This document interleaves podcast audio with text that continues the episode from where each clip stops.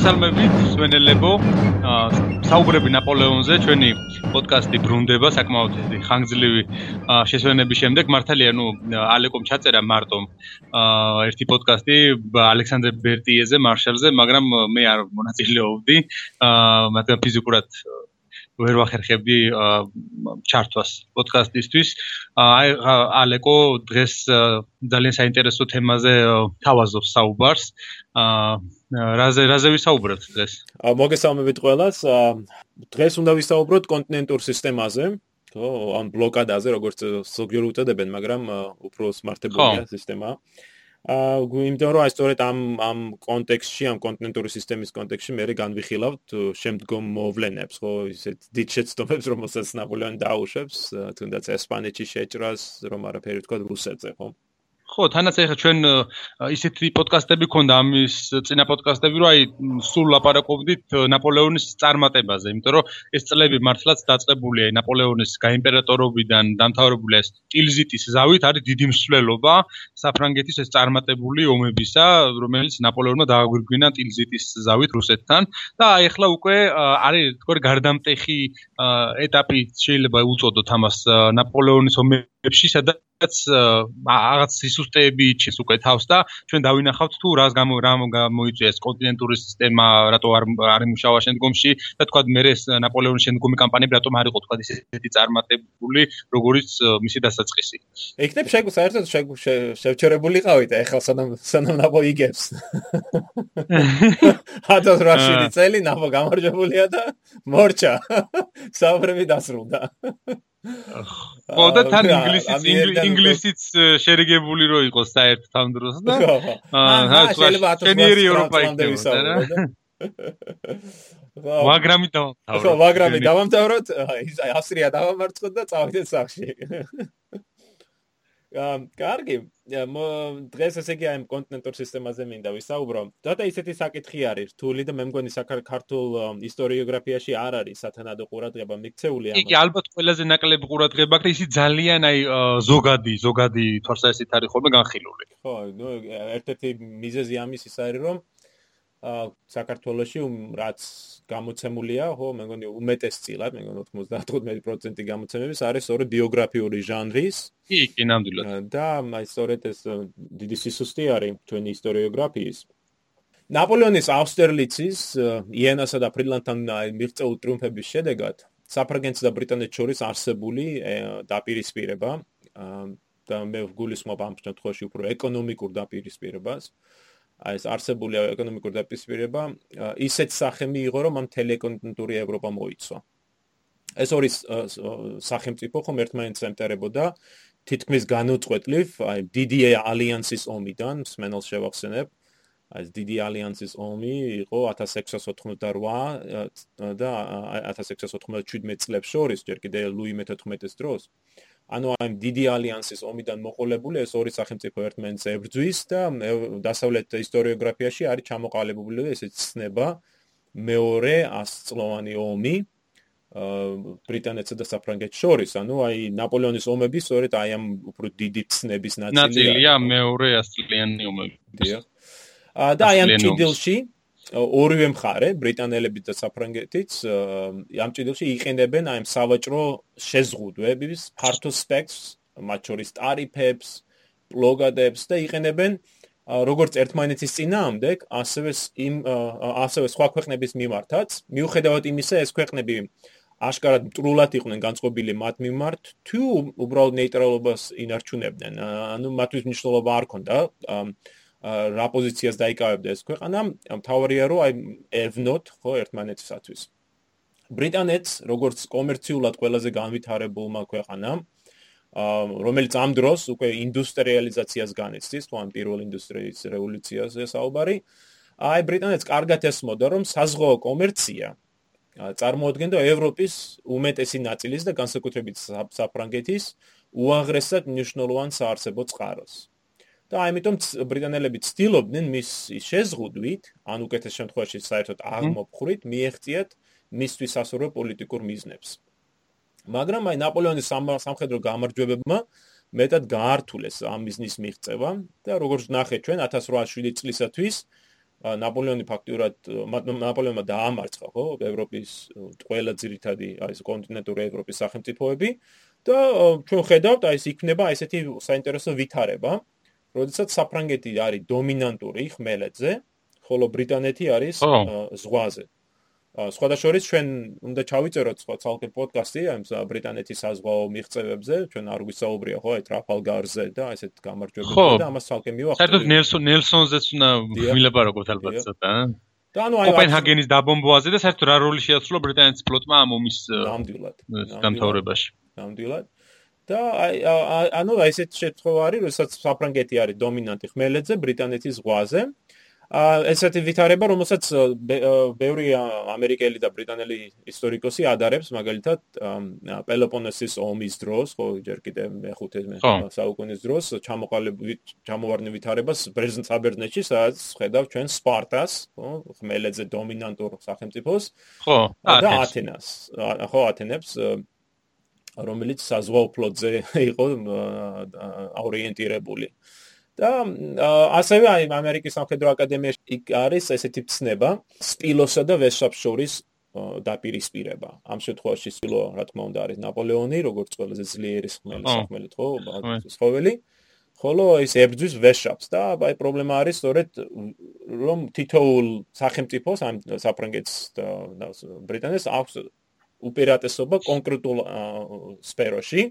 და ერთმანეთს უშუალოდ ვერ უპირისპირდება, ხო, ნაპოლეონის ძალიან უჭერს ზღვაზე ბრიტანელების დამარცხება, ხოლო ბრიტანელების ჯერჯერობით ვერაფერი ვერ მოახერხეს ნაპოლეონის ძინაამდე.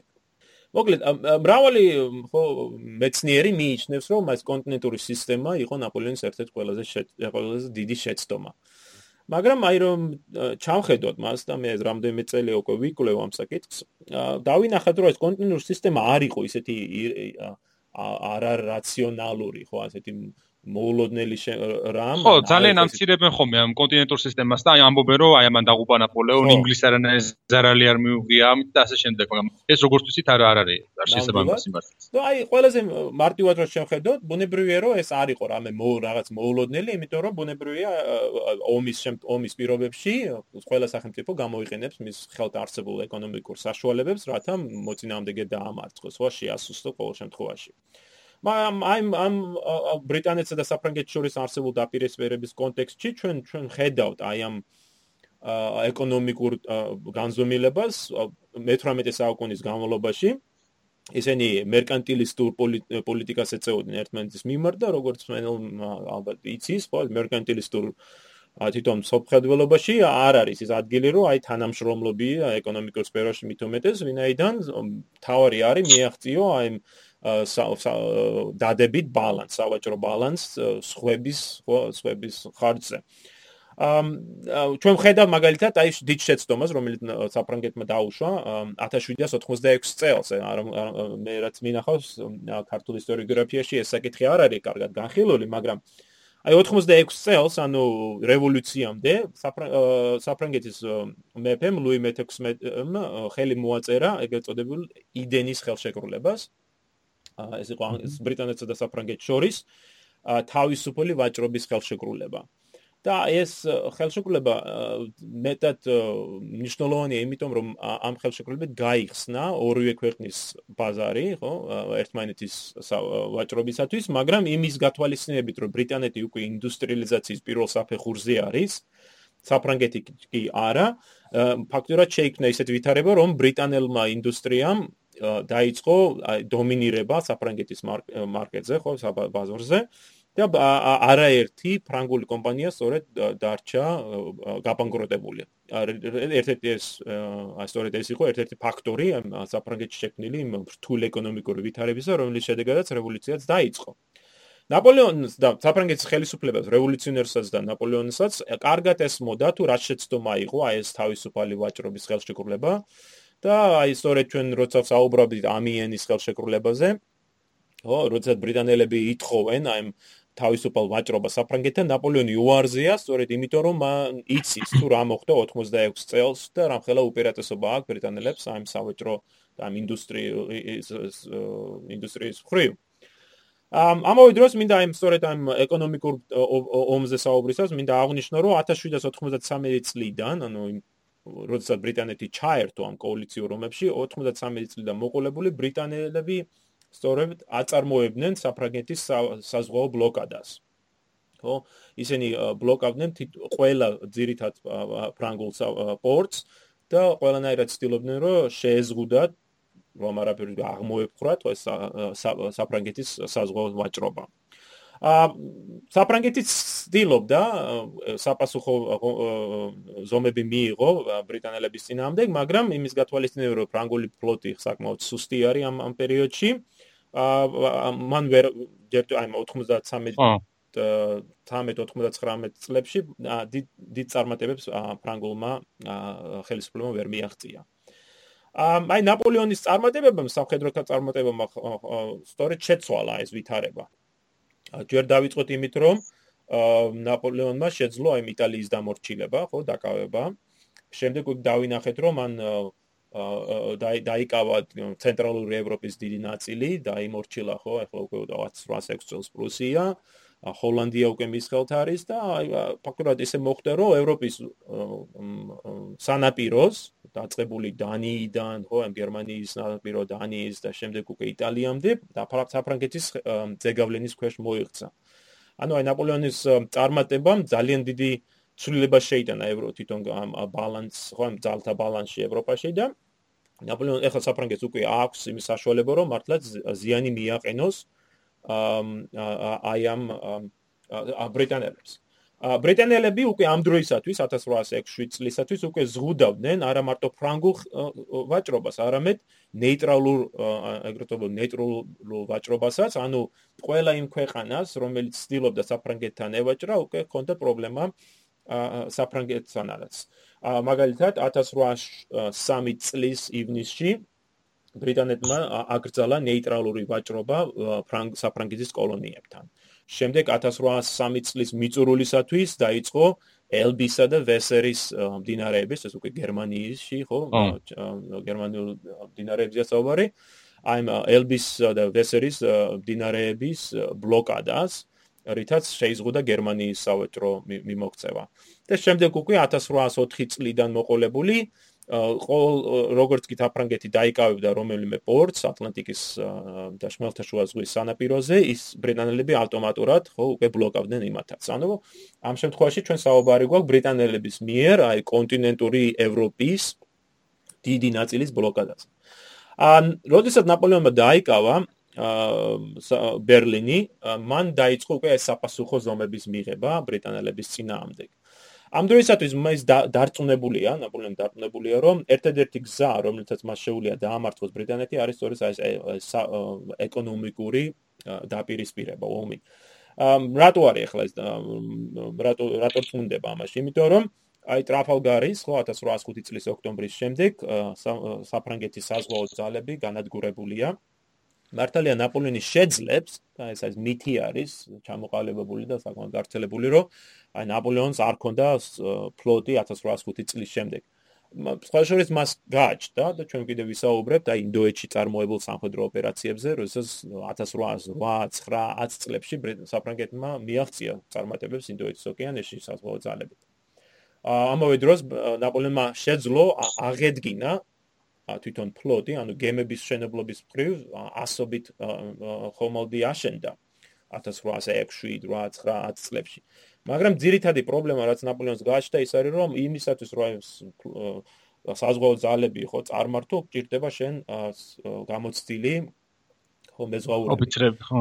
ხო, ეხლა ოფიცრების პრინციპში ხო, ანუ მეტაურები და ისა ხო ინგლისთან შედარებით ძალიან დაბალ დონეზე იყო მაინც. ხო, ეხლა რა არის, აი ჯარდისგან განსხვავებით, რომელსაც შეგიძლია გაუშვათ სადღაც დიდ დელოზე და აი აკიდიკი დავარჯიშო. აა მეზღვაური რომ რომ გამოცდილებამ რომ მიიღოს, უნდა წავიდეს სხვაში.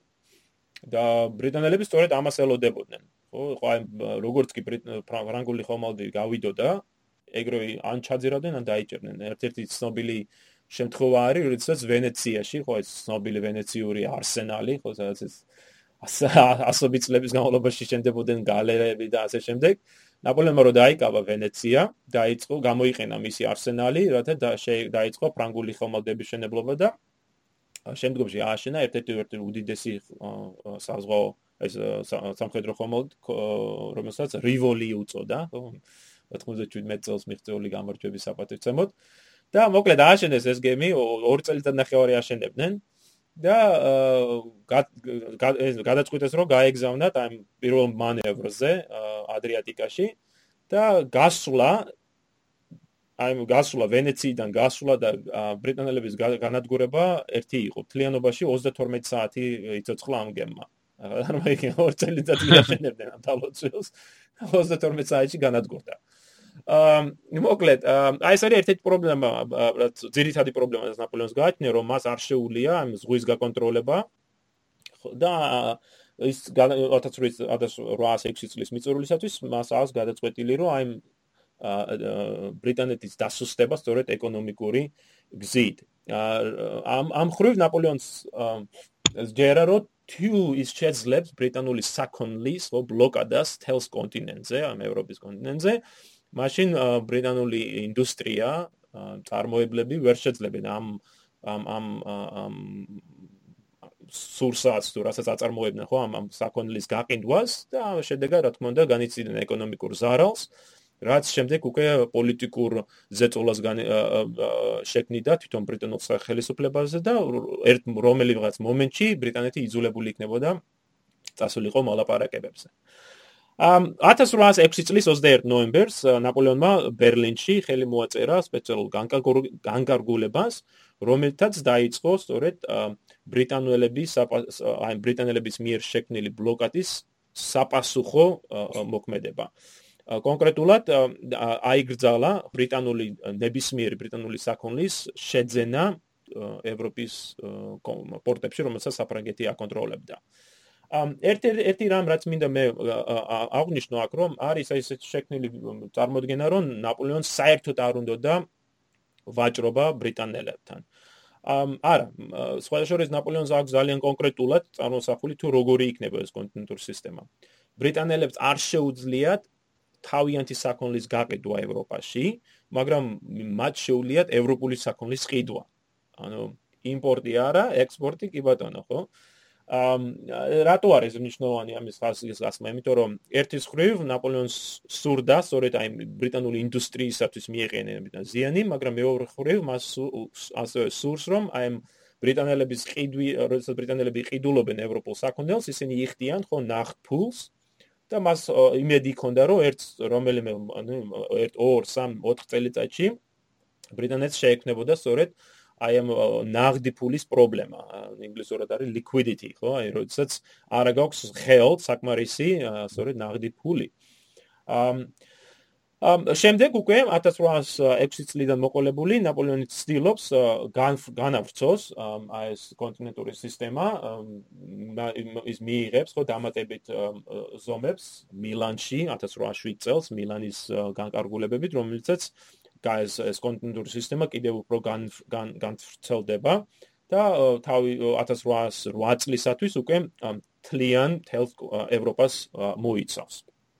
აა სწორედ ამ მილანის განკარგულებების რომელიც გაიცა 1807 წლის 23 ნოემბერს და შემდეგ უკვე 17 დეკემბერს ნაპოლეონმა გასა განკარგულება ჩამოერთვა ნებისმიერ ნეიტრალურ სახელმწიფოს დროშით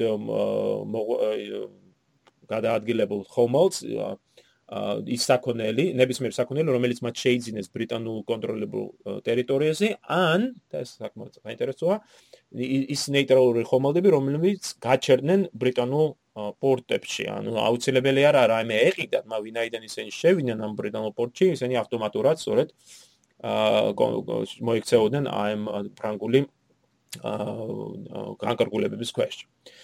ამ 1807 წლის მიწურულისათვის ეს კონტინენტური სისტემა არის უკვე ჩამოყალიბებული და ჩვენ ხედავთ რომ მას ეკნება ძალიან დიდი ზეგავლენა როგორც ევროპულ ისე ატლანტიკურ ეკონომიკურ ეკონომიკაზე. ანუ ეს არა მარტო არ არის მარტო შეზღუდული ევროპით. ამას დიდი ზეგავლენა ეკნება ატლანტიკის ორივე მხარეს ამერიკაშიც სამხრეთ ამერიკაში ჩრდილოეთ ამერიკაში მაგრამ ცნარი იქნება თუ ჩვენ აი შევხედავთ აი ამ სისტემას როგორც აი ეს კონტინენტურ ბლოკადას ხო ეს ხშირად არის ჩვენ ვიყენებთ აი ამ გაცოქრებს ამენგონ საქართველოსში იყენებენ აი კონტინენტურ ბლოკადას. ა ბლოკადა იყო აი კონტინენტური სისტემის ერთ-ერთი შემადგენელი ნაწილი და სწორედ ამიტომ მინდა ხაზი გაუსვა ამას, როცა ჩვენ ვამბობ ბლოკადა, ანუ ჩვენ მარტო ვაქცევთ ერთ მხარეს. კონტინენტური სისტემა უფრო ყოვლის მომცველი ტერმინი არის და მე მინდა ამას ხაზი გაუსვა, იმიტომ რომ სწორედ ნაპოლეონს ბევრად უფრო დიდი მიზანი აქვს, ვიდრე მხოლოდ ეკონომიკური ზიანი მიაყენოს ბრიტანეთს.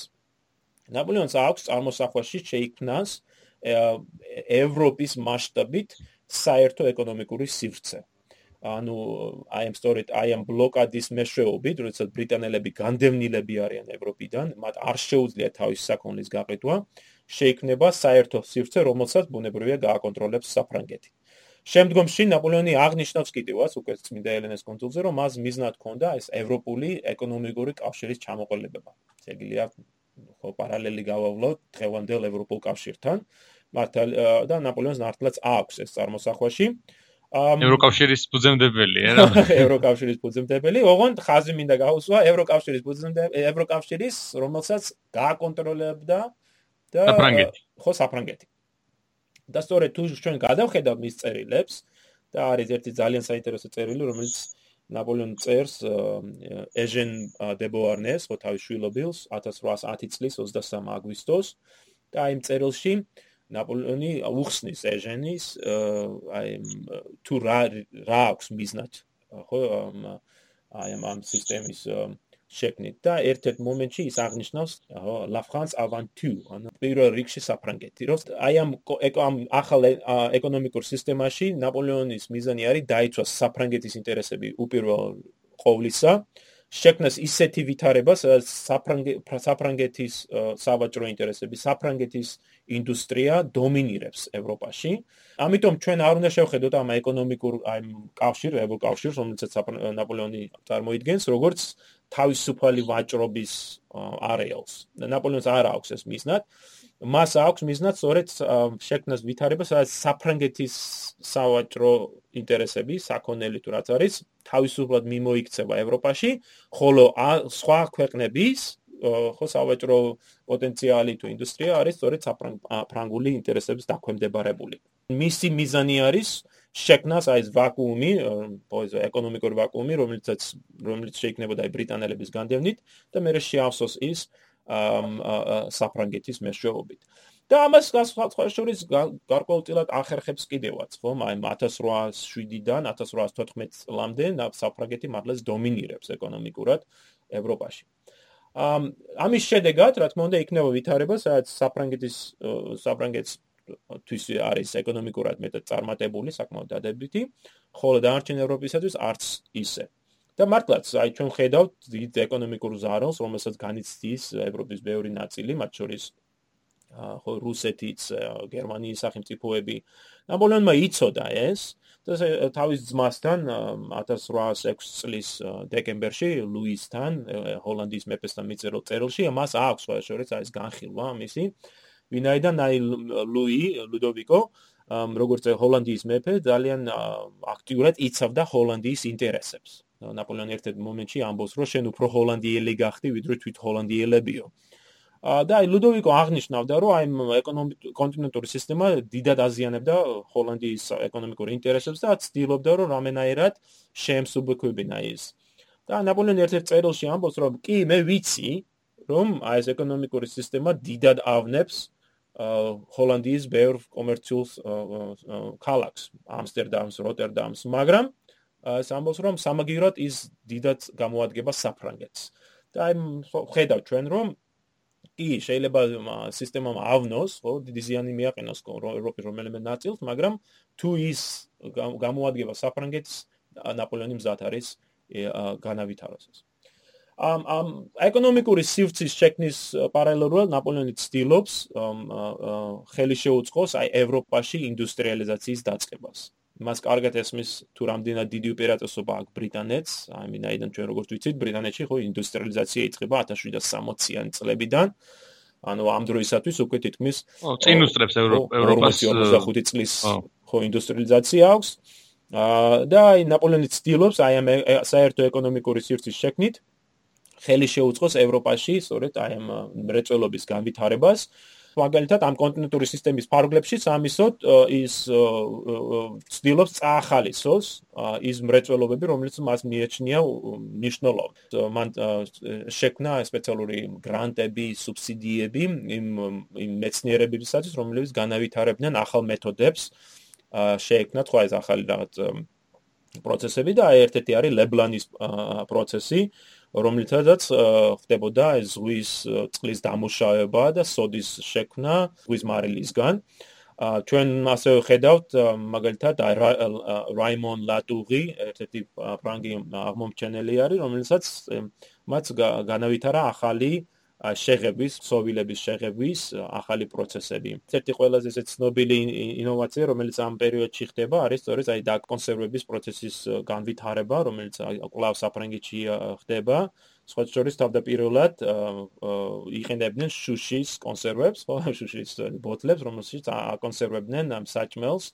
და ნაპოლეონმა ეს სწორედ გადასცა ეს პრიზი ამის აღმომჩენელს და მისთვის ეს მნიშვნელოვანი იყო, ვინაიდან ამის შედეგად შესაძლებელი იყო ჯარისთვის ეს სურსათ სანოვაგეს გადატანა უფრო უფრო ეფექტურად.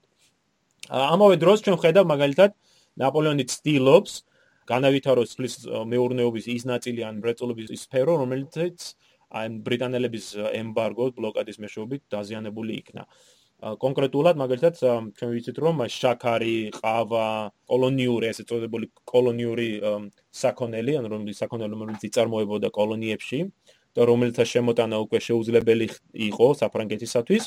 ნაპოლეონი ცდილობდა სწორედ მათი განვითარება მოეხდინებინა საფრანგეთში და აი შაქარი, შაქარი ერთ-ერთი მაგალითი ამის, სწორედ აი 1808-9 წლებში ხდება ახალი შაქრის ინდუსტრიის ჩამოყალიბება საფრანგეთში, რომელიც არის ჭარხლისგან, ხო, შაქრის ჭარხლისგან შექმნილი. დღესაც ერთ-ერთი მნიშვნელოვანი მრეწველობა არის. შეგვიძლია ასევე აღნიშნოთ, რომ ნაპოლეონმა დიდი როლი ითამაშა კონკრეტული ინდუსტრიების განვითარებაში ევროპაში განსაკუთრებით ეს არის აი ქსოვილების წარმოება, აბრეშუმის წარმოება, მან დიდი როლი ითამაშა ლიონში, საფრანგეთის აღმოსავლეთში არსებული დიდი აბრეშუმის წარმოების მრეწველობის აღორძინებაში. აი მე რო ვახსენე 1786 წლის თავისუფალი ვაჭრობის ხელშეკრულება, მან გაანადგურა ლიონში არსებული აბრეშუმის ინდუსტრია და ნაპოლეონმა ეხლა შეძლო მისი აღდგენა, სხვა შორის მან მიიღო განკარგულებები, რომელიცაც კონკრეტულად უკარნახობდნენ თუ აი ნაპოლეონის სამეფო ხო იმპერიულ კარზე მყოფი პიროვნებები რამ რა ტანის ამოსატარებდნენ და რამდენ რომელი ნაწილი ამ ტანის ამოსის უნდა ყოფილიყო აბრეშუმისგან შექმნილი. და აიძულებდა ხო რომ აი მათ შეეძინათ კონკრეტულად ეს ფრანგული წარმოების აბრეშუმი. რაც შეეხება ევროპის ევროპაზე თვითონ ზეგავლენას ჩვენ ხედავთ რომ კონტინენტურ სისტემამ ხელი შეუწყო ეკონომიკურ განვითარებას, განსაკუთრებით მრეწველობის ჩამოყალიბებას ევროპის ზოგიერთ ნაწილში, მაშინ როდესაც მან დიდი ზიანი მიაყენა ევროპის სხვა ნაწილს. აქ ჩვენ შეგვიძლია ზოგადად ვთქვათ, რომ ევროპის ის ნაწილი, რომელიც რომელსაც გააჩნდა უკვე მრეწველობის დარგები, უკვე ეს ინდუსტრიალიზაციის დასაწყისში იყო, აი მათ დიდად ისარგებლეს კონტინენტური სისტემით. აა იმიტომ რომ აი ბრიტანული საქონელი აღარ შემოედიოდა ევროპის ბაზარზე და ფაქტურად ამ ვაკუუმში შემაც შეძლეს ბაზრის დაკავება. მაგრამ ის ის მხარეები, ის ქვეყნები, ანუ ის მხარეები, რომლებიც ორიენტირებულები იყვნენ უფრო აი ნედლეულის გატანაზე, მათ მაგალითად დიდი ზიანი განიცადეს. ეს განსაკუთრებით ეხება აი რუსეთს. რუსეთის მრეწველობა საკმაოდ ჩამორჩენილი არის და რუსეთის ძირითადი ექსპორტები არის სწორედ ნედლეულობა ამ ხრივ არც დიდად არც არაფერი შეცვლილა, ხო? დღემდეც ნედლეულზე აორიენტირებული რუსეთის ეკონომიკა. და ვინაიდან ბრიტანელები ბრიტანელებს აღარ შეეძლოთ რუსეთთან რუსეთისგან ამ ნედლეულის გატანა, ჩვენ ხედავთ საკმაოდ დიდ ეკონომიკურ ზიანს, რომელიც რუსეთის ეკონომიკა განიცდის. მაგრამ აი ეს კონტინუურ სისტემის ზეგავლენა არ არის მარტო შემოფარგლული ევროპით, ჩვენ ხედავ მის ზეგავლენას როგორც თქვი ატლანტიკის ორივე მხარეზე. კონკრეტულად აი ჩვენ ამ ხრივ დაუნიშნოთ 1807 წელს ჩამოყალიბებულ ვითარებაზე, როდესაც საფრანგეთმაც და ბრიტანეთმაც გამოაცხადეს, რომ აი ნეიტრალური სავაჭრო ინტერესებიც იქნებოდნენ შელახულები, ხო? ანუ ნებისმიერი ნეიტრალური ქვეყანა, რომელიც აწარმოებდა ვაჭრობას ამ ბრიტანეთთან, საფრანგეთთან, აა მოექცეოდა სწორედ ამ ამ ამ კონტინენტურ სისტემაში. ამ ხრივ აღსანიშნავია სწორედ ამერიკის შეერთებული შტატები. ახლა დაფუძნებული ქვეყანა, რომელიც ხო ძალიან სწრაფად ვითარდებოდა. და აი ამერიკაში ძალიან აქტიურ ძალიან დიდ აქცენტს აკეთებდნენ სწორედ საზღვაო ვაჭრობაზე. ამერიკას გააჩნია საკმაოდ დიდი სავაჭრო ფლოტი და მათ ხომ აქვს შესაძლებლობა სწორედ გააყიდონ თავის საქონელი ატლანტიკის ნებისმიერ ხარეს. მაგრამ ამერიკელებს სწორედ აი პრობლემა აქვს ის რომ ეხლა უკვე 1807 წლიდან მოყოლებული მიუხედავად იმისა თუ ვისთან გამყარებდნენ კავშირს საფრანგეთთან თუ ბრიტანელებთან ისინი მოექცეოდნენ მეორე მხრის, ხო, აი მეორე მხარის საპასუხო ამ შეზღუდვების ქვეშ, ანუ თუ ბრიტანელებთან დაიწყებდნენ ვაჭრობა, ან განაგზობდნენ ვაჭრობას, ნაპოლეონი დაიწყებდა ამერიკული საქონლის ჩამორთმევას. და პირისპირო, ხო, საპირისპირო თუ საფრანგეთთან დაიწყებდნენ ვაჭრობას, ბრიტანელები დაიწყებდნენ სწორედ ამერიკული საზღვაო ძალების შეზღუდვას. და აი ეს პრობლემა რომელიც შეიქმნა 1807 წელს ამერიკასა, საფრანგეთსა და ბრიტანეთს შორის ნელ-ნელა მწვავდებოდა. და განსაკუთრებით ეს გამწვავდება 1809-10 წლებში, როდესაც ამერიკელები მართლა არიციან კონკრეტულად რა მოიმოქმედონ. ხო, ვისთან, რა თქმა უნდა, ვაჭრობა სურთ, მაგრამ აშკარა ხდება რომ და უნდა აირჩიონ რომელ მხარეს დაუჭერენ ხარს. და აი ამ მომენტში 1810-11 წლებში ნაპოლეონმა ძალიან კარგად გამოიყენა ეს ნელი რთული ვითარება და მან დაიწყო აი თავისი კონტინენტური სისტემის ასე ვთქვათ, ლიბერალიზაცია, ანუ შემსუბუქება. ერთ-ერთი პირველი გადაწყვეტილება, რაც მან გააკეთა, აიყო სწორედ დაეშვა ამერიკული საქონელი ამ საფრანგეთის ბაზარზე, მიუხედავად იმისა, ის ამერიკული გემები გაჩერდებოდნენ ბრიტანეთში თუ არა. და ეს საკმაოდ მნიშვნელოვანი გადაწყვეტილება იყო, ვინაიდან ამერიკელები მიხვდნენ, რომ აი საფრანგეთთან უფრო ხელსაყრელობებს მიაღწევდნენ. მართალია ბრიტანელებმა მალევე უპასუხეს მე იღე საპასუხო გადაწყვეტილება რომ ასევე არ შეეზღუდათ ამერიკის სავაჭრო ინტერესები მაგრამ უკვე გვიან იყო გადაწყვეტილება რომ მიიღო ბრიტანეთის პარლამენტმა.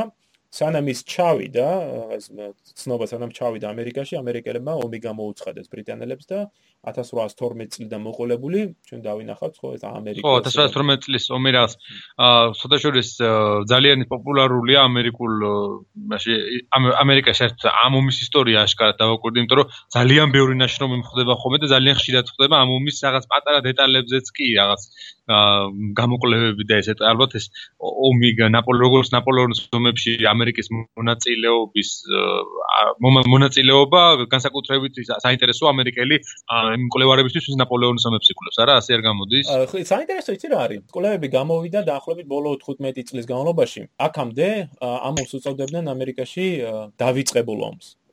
forgotten war ვინაიდან აქცენტი იყო ან ამერიკის რევოლუციის პერიოდზე, ან ამერიკის სამოქალაქო ომზე და ეს 1812 წლის ომი, რომელსაც ამერიკაში დამოუკიდებლობის მეორე ომსაც უწოდებენ. და საკმაოდ დაიწყებული იყო, მაგრამ აი ბოლო 15 წლის განმავლობაში ძალიან აქტიურად, როგორც ჩვენ თქვი, აქტიურად იკვლევენ და ძალიან ბევრი ძალიან საინტერესო ნაშრომები გამოიცა.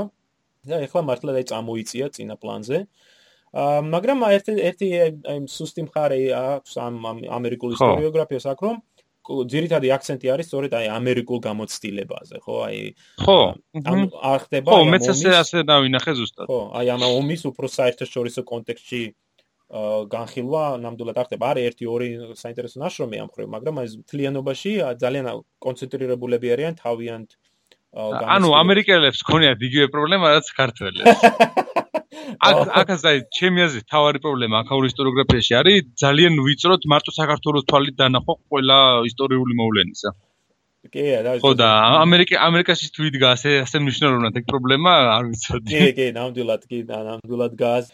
ამ მოდი რამოდენმე კიდე მომენტი მაქვს რომელიც მინდა რომელზედაც მინდა აქცენტი მოვაქცევ. So აღნიშნე უკვე რომ აი ამ კონტინენტური სისტემის ერთ-ერთი გამოვლენა იყო სწორედ ამერიკასა, ბრიტანეთსა და საფრანგეთს შორის და ჩამოვარდნილი უთანხმოება, რომელიც საბოლოოდ აი მომში გადაიზარდა. ამავე დროს მინდა აღნიშნო რომ აი კონტინენტური სისტემამ საბოლოოდ ხო ჩვენ როგორც ვიცით წარუმატებელი აღმოჩნდა, მაგრამ აქაც ცოტა ეს დაზუსტება, ცოტა ნიუანსი მინდა შევიტანო. ის წარუმატებელი აღმოჩნდა იმ თუ ჩვენ მის მიზნად ჩავთვლით ბრიტანეთის ეკონომიკურ დამარცხებას. ხო, ამ ხრივ ნამდვილად აა ეს სისტემა წარუმატებელი არის. და ამ ხრივ რამოდენ მიზეზი არის რატო რატო რატო დამარცხდა, ხო? აა პირველ რიგში ის არის რომ ბრიტანული ეკონომიკური სისტემა ბევრად უფრო მოქნილი და ბევრად უფრო განვითარებული იყო. და მან შეძლო აი ამ საკმაოდ ძლიერი დარტყმის, რომელიც ნაპოლეონმა მიაყენება, მაგრამ მაინც მოგერიება. მართალია ბრიტანელებს გააჩნდა ძალიან დიდი პრობლემები 1808-9 წლებში მათი ექსპორტის ხო ნაწილი საკმაოდ დიდ ზიანს განიცდის. ჩვენ ვიცით რომ 1807 წელს მაგალითად ევროპაში გადიოდა დაახლოებით ბრიტანეთის ექსპორტების 45% ანუ ამ ხელა ბაზრის დაკარგვა ბუნებრივია ზიანს მიაყენებდა ბრიტანეთს. 1810-11 წლებში ბრიტანეთში შეიქმნა ძალიან მწვავე ეკონომიკური კრიზისი და სწორედ ეს იყო ერთ-ერთი ყველაზე უარესი მომენტი, ყველაზე ცუდი მომენტი ბრიტანეთის აი მე ამ 19 საუკუნის პირველ ნახევრის ისტორიაში, როდესაც ჩვენ ხედავთ როგორც მრეწველობის ჩავარდნას, ასევე სავაჭრო ინტერესების დაცემას, ვამ გადინებას, არის ფაქტობრივად ეკონომიკური დეპრესია, რომელიც იწყება აი 1810-11 წლებში. მაგრამ ამის საპასუხოდ ჩვენ ასევე ხედავთ თუ რამდენად მოქნილი არის ბრიტანული ეკონომიკური სისტემა რომელმაც შეძლო საპასუხოდ აი კონტინენტური სისტემის გადაეტანა აქცენტი ევროპიდან სოფლიოს სხვადასხვა ნაწილში. და ამ ხრო ყველაზე მნიშვნელოვანი არის სწორედ ლათინური ამერიკა სადაც ჩვენ ხედავთ აი უზბრიტანულ ინვესტიციებს 1810-11-12 წლებში. ამას ბუნებრივი აქვს ძალიან მნიშვნელოვანი მიზეზი რატომ. ეს ეკონომიკური პრობლემების გარდა ჩვენ კიდევ ვისაუბრებთ რომ აი ნაპოლეონის ომების ეკლესიის ყველაზე დიდი ზეგავლენა არის აი ლათინურ ამერიკაში ხო დამოუკიდებლობის მოძრაობების გაღვივებაში. და ბრიტანელებმა აქტიურად გამოიყენეს ეს შესაძლებლობა რათა ეს ეკონომიკური ინვესტიციები ჩაედოს სწორედ ლათინურ ამერიკაში. აქამდე 1808-9 წლამდე მათ არ შეძლოთ ამის გაკეთება, იმიტომ რომ ლათინური ამერიკა იყო ესპანეთის იმპერიის ნაწილი და ესპანეთს მქონდა და ეს მრავალსაუკუნოვანი პოლიტიკა, ხო, რომელთაც ის ზღუდავდა, სხვა შორის კრძალავდა სხვა ევროპული სახელმწიფოების მიერ უშუალოდ კოლონიებთან ვაჭრობას. საბჭო ურთიერთობები ხდებოდა.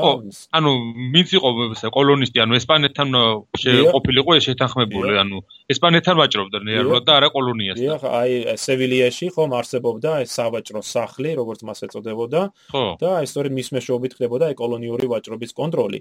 მაგრამ ვინაიდან ესპანეთი იქნა დაკავებული ნაპოლეონის მიერ, ხომ და პრეზიდენტმა ეს ჩათვალა, რომ მას ხელი გაიხსნა ამ ლათინურ ამერიკაში ინვესტიციების ჩაზრდება და მართლაც გადაადგილება ხდება ამ კაპიტალის ამ ინვესტიციების და ბრიტანეთში, აი ლათინურ ამერიკაში ბრიტანული ეკონომიკური ინტერესების ჩამოყალიბება ამ პერიოდში. ამის შედეგად ბრიტანელებმა შეძლეს, ხო, აი დაკარგული მარკეტის, ამ დაზოგურ ბაზრის აღდგენა აი სწორედ ლათინურ ამერიკაში. მეორე ერთნიშნულოვანი ფაქტორი, რომელიც ხელი შეუწყო ბრიტანეთის წარმატებას, იყო ის, რომ მათ გააჩნდათ სწორედ ეს ძლიერი საზღვაო ძალა, რომლითაც მათ შეძლეს ზღვის გაკონტროლება ამ პერიოდის განმავლობაში და აი ამ ზღვის გაკონტროლების მეშვეობით ბრიტანელებმა ასევე შეძლეს აი კონტრაბანდის მთელი ინდუსტრიის ჩამოყალიბება ევროპის მასშტაბით. მართლაც უზარმაზარი წარმოწება არის ეს ბრიტანელები ბრიტანული ხომალდები, ეს გემები ევროპის სანაპიროს ნებისმიერ ადგილას შეიძლება მისულიყვნენ მოულოდნელად ხო გადასხმარიყვნენ, ჩაეტანათ ეს საქონელი, გაიყიდათ იქვე და წასულიყვნენ უკან. ხო, ამ ხელა უპირატესობაა, ეხე ნამდვილად რამდენი იმას აძლევს ბრიტანეთს? ხო გასახანი ქონდათ ფაქტობრივად რომ აი მოქმედათ ასე.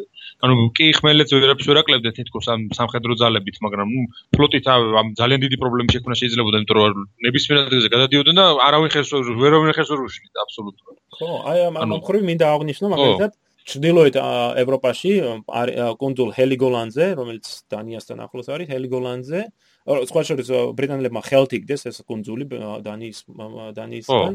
და ამ ჰელგოლანზე შექმნეს თლიან აი მთელი ბაზა საკონტრაბანდო ბაზა ეს ცენტრი რომელთაც ბრიტანელები ჯერ აქ ჰელგოლანზე მიიტანდნენ საკონელზე შემდეგ პატარა ნავებით გადაქონდათ სწორედ კონტინენტზე და ფრანგები ვერაფერს ვერ ახერხებდნენ ვინაიდან ამ კონძულის დასაკავებლად საზღვაო ძალა ჭირდებოდა საზღვაო ძალა მათ არ გააჩნდათ.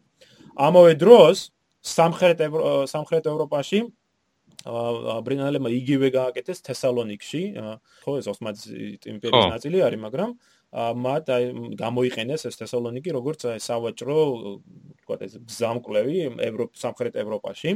მსმენელს რომ აი მივცე უბრალოდ წარმოდგენა თუ რამხელა არის ეს ეს საკონტრაბანდო ოპერაცია, რომელსაც ბრიტანეთი ხელმძღვანელობა ფაქტ 1811 წელს აი მალტასა და იტალიას სამხრეთ იტალიას შორის 800-ზე მეტი ხომალდი დასეირნოს, ასე რომ ვთქვა, კონტრაბანდის შესატანად. ანუ ეს მარტო აი მალტასა და იტალიას შორის 800-ზე მეტი ხომალდი არის, რომ არაფერი ვთქვა, ესპანეთზე, ხო, ჰოლანდიაზე, ან ჩრდილო ევროპაზე.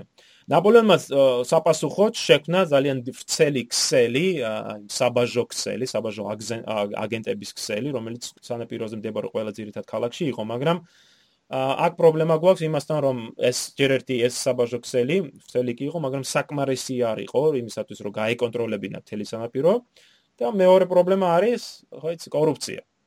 რაც არ უნდა იყო რა, რაც არ უნდა ქნააკეთო კაცმა, ხო იცი ფული მაინც ჯოჯოხეს ანათებსო, ხო თუ როგორ არის? ხო, ფული ჯოჯოხეს. აა რა ქვია, კაი მაგალითი მინდა მოვიყვანო. ჩვენი ძველი მეგობარი მარშალი ანდრე მასენა. ხო ნაპოლეონის თანამებრძოლი უკეთესა მარშალი მასენა როგორც ვიცით 1806 წელს არის მივლინებული ნეაპოლში მოკალათა ნეაპოლში და მე დაუკავშირდა თავის ძველ კონტრაბანდისტს მეგობრებს. თუ მსმენელს გაშევახსენებ რომ მასენა ახალგაზრდობაში კონტრაბანდისტი იყო თვითონაც.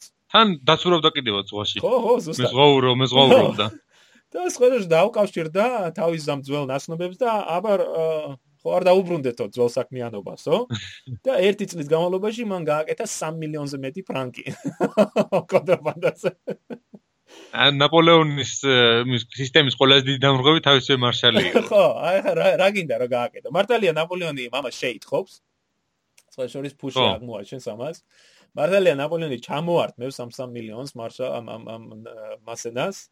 მაგრამ ხო ახლა ყოველას ყოველას მაშინ ყოველას უნდა დაერიოს, ხო? ყოველა უნდა გააკონტროლოს და ამ სამისო მართლა რესურსი არ გააჩნია. ანუ კიდევ ერთი ფაქტორი, ხო? ეს ჩვენ საუბრობდით რატო რატო არის წარუმატებელი ეს ეს კონტენტური სისტემა. მეორე ფაქტორი არის ის, რომ თვით ნაპოლეონმა გაიაზრა, რომ მართალია მას აქვს ეს გრანდიოზული მიზანი, ხო, დასახული, მაგრამ მას არ შეუძლია ამის მიღწევა აი ეს აი მოკლე ვადაში, რომ მას მართლაც სჭირდება ეს ბრიტანული ბრიტანული სავაჭრო ინტერესები. და ჩვენ რას ვხედავთ, რომ 1811 წლიდან მოყოლებული თვითონ ნაპოლეონი ასუსტებს ამ კონტინენტურ სისტემას და გამოსცემს განკარგულებებს, რომელთაც თვითონ ნაპოლეონი ყიდის ლიცენზიებს, რათა ევაჭრათ ბრიტანეთთან. ანუ ფაქტურად ვაჭრობა ბრიტანეთთან აღსდგება, მაგრამ ამ ამ შემთხვევაში ნაპოლეონი აიძულებს ხო სავაჭრო ინტერესებს გადაეხადა სპეციალური გადასახადი მისთვის. ტრიანონის განკარგულება, რომელიც 1810 წელს არის მაგალითად მიღებული, აწესებს 50%-იან ტარიფს ბრიტანულ საქონელზე, მაგრამ ის მაინც აძლევს საშუალებას ბრიტანელებს გაეყიდათ თავის საქონელი ევროპაში. და აი ფაქტურად ნაპოლეონი თვითონ თავისი ხელითვე ხო ასუსტებს ამ სისტემას. თლიანობაში ახლა ზოგადად რო შევხედოთ, რა შეგვიძლია ჩვენ თქვა ამ ამ კონტინენტურ სისტემაზე. ერთი ხრივ ის რომ მან ხელი შეუწყო ევროპის ზოგიერთ მხარეში ამ რეწოლების განვითარებას. ეს ეს განსაკუთრებით შეიმჩნევა საფრანგეთში, გერმანიაში, მაგალითად ქსოვილების წარმოებაში, ხელი შეუწყო ასევე სასოფლო მეურნეობის განვითარებაში. მაგრამ ამავე ამავე დროს ხედავ თუ რამხელა ზიანი მან მიაყენა მაგალითად იგივე იტალიურ ინდუსტრიასაც ხო ერთის ხრივ ნაპოლეონმა შეზღუდა ბრიტანული საქონლის შეტანა იტალიაში მაგრამ მეორე ხრივ მან დააწესა შეზღუდვები თვითონ იტალიურ მრეწველობაზე რათა სამფრანგეთის საქონელი შეეტანა და გაეყიდა იტალიაში და რა თქმა უნდა აღნიშნე რომ აი ნედლეულზე ორიენტირებული სახელმწიფოებმა ძალიან დიდი დანაკარგი განიცადეს. და ზოგადად ევროპულ სახელმწიფოებში სუფევდა უკმაყოფილება თვითონ აი არსებული ახლად შექმნილი ეკონომიკური რეალიით, რომელიც რომლის შედეგადაც მართალია კი ჩამოყალიბდა ეს ეკონომიკური სივრცე ევროპაში, მაგრამ ის არის სწორედ საფრანგეთის კონტროლის ქვეშ, ემსახურება საფრანგეთის ეკონომიკის ეკონომიკური ინტერესებს და ბუნებრივია დიდად არასახავს სხვა სახელმწიფოების ინტერესებს. და ამის შედეგად 1811 წლებში ჩვენ ხედავთ ზაფხო დიდ უკმაყოფილებას კონტინენტური სისტემით და არის შედეგადაც ხო იქ ნაპოლეონს შეექმნება პრობლემები აი რუსეთთანაც.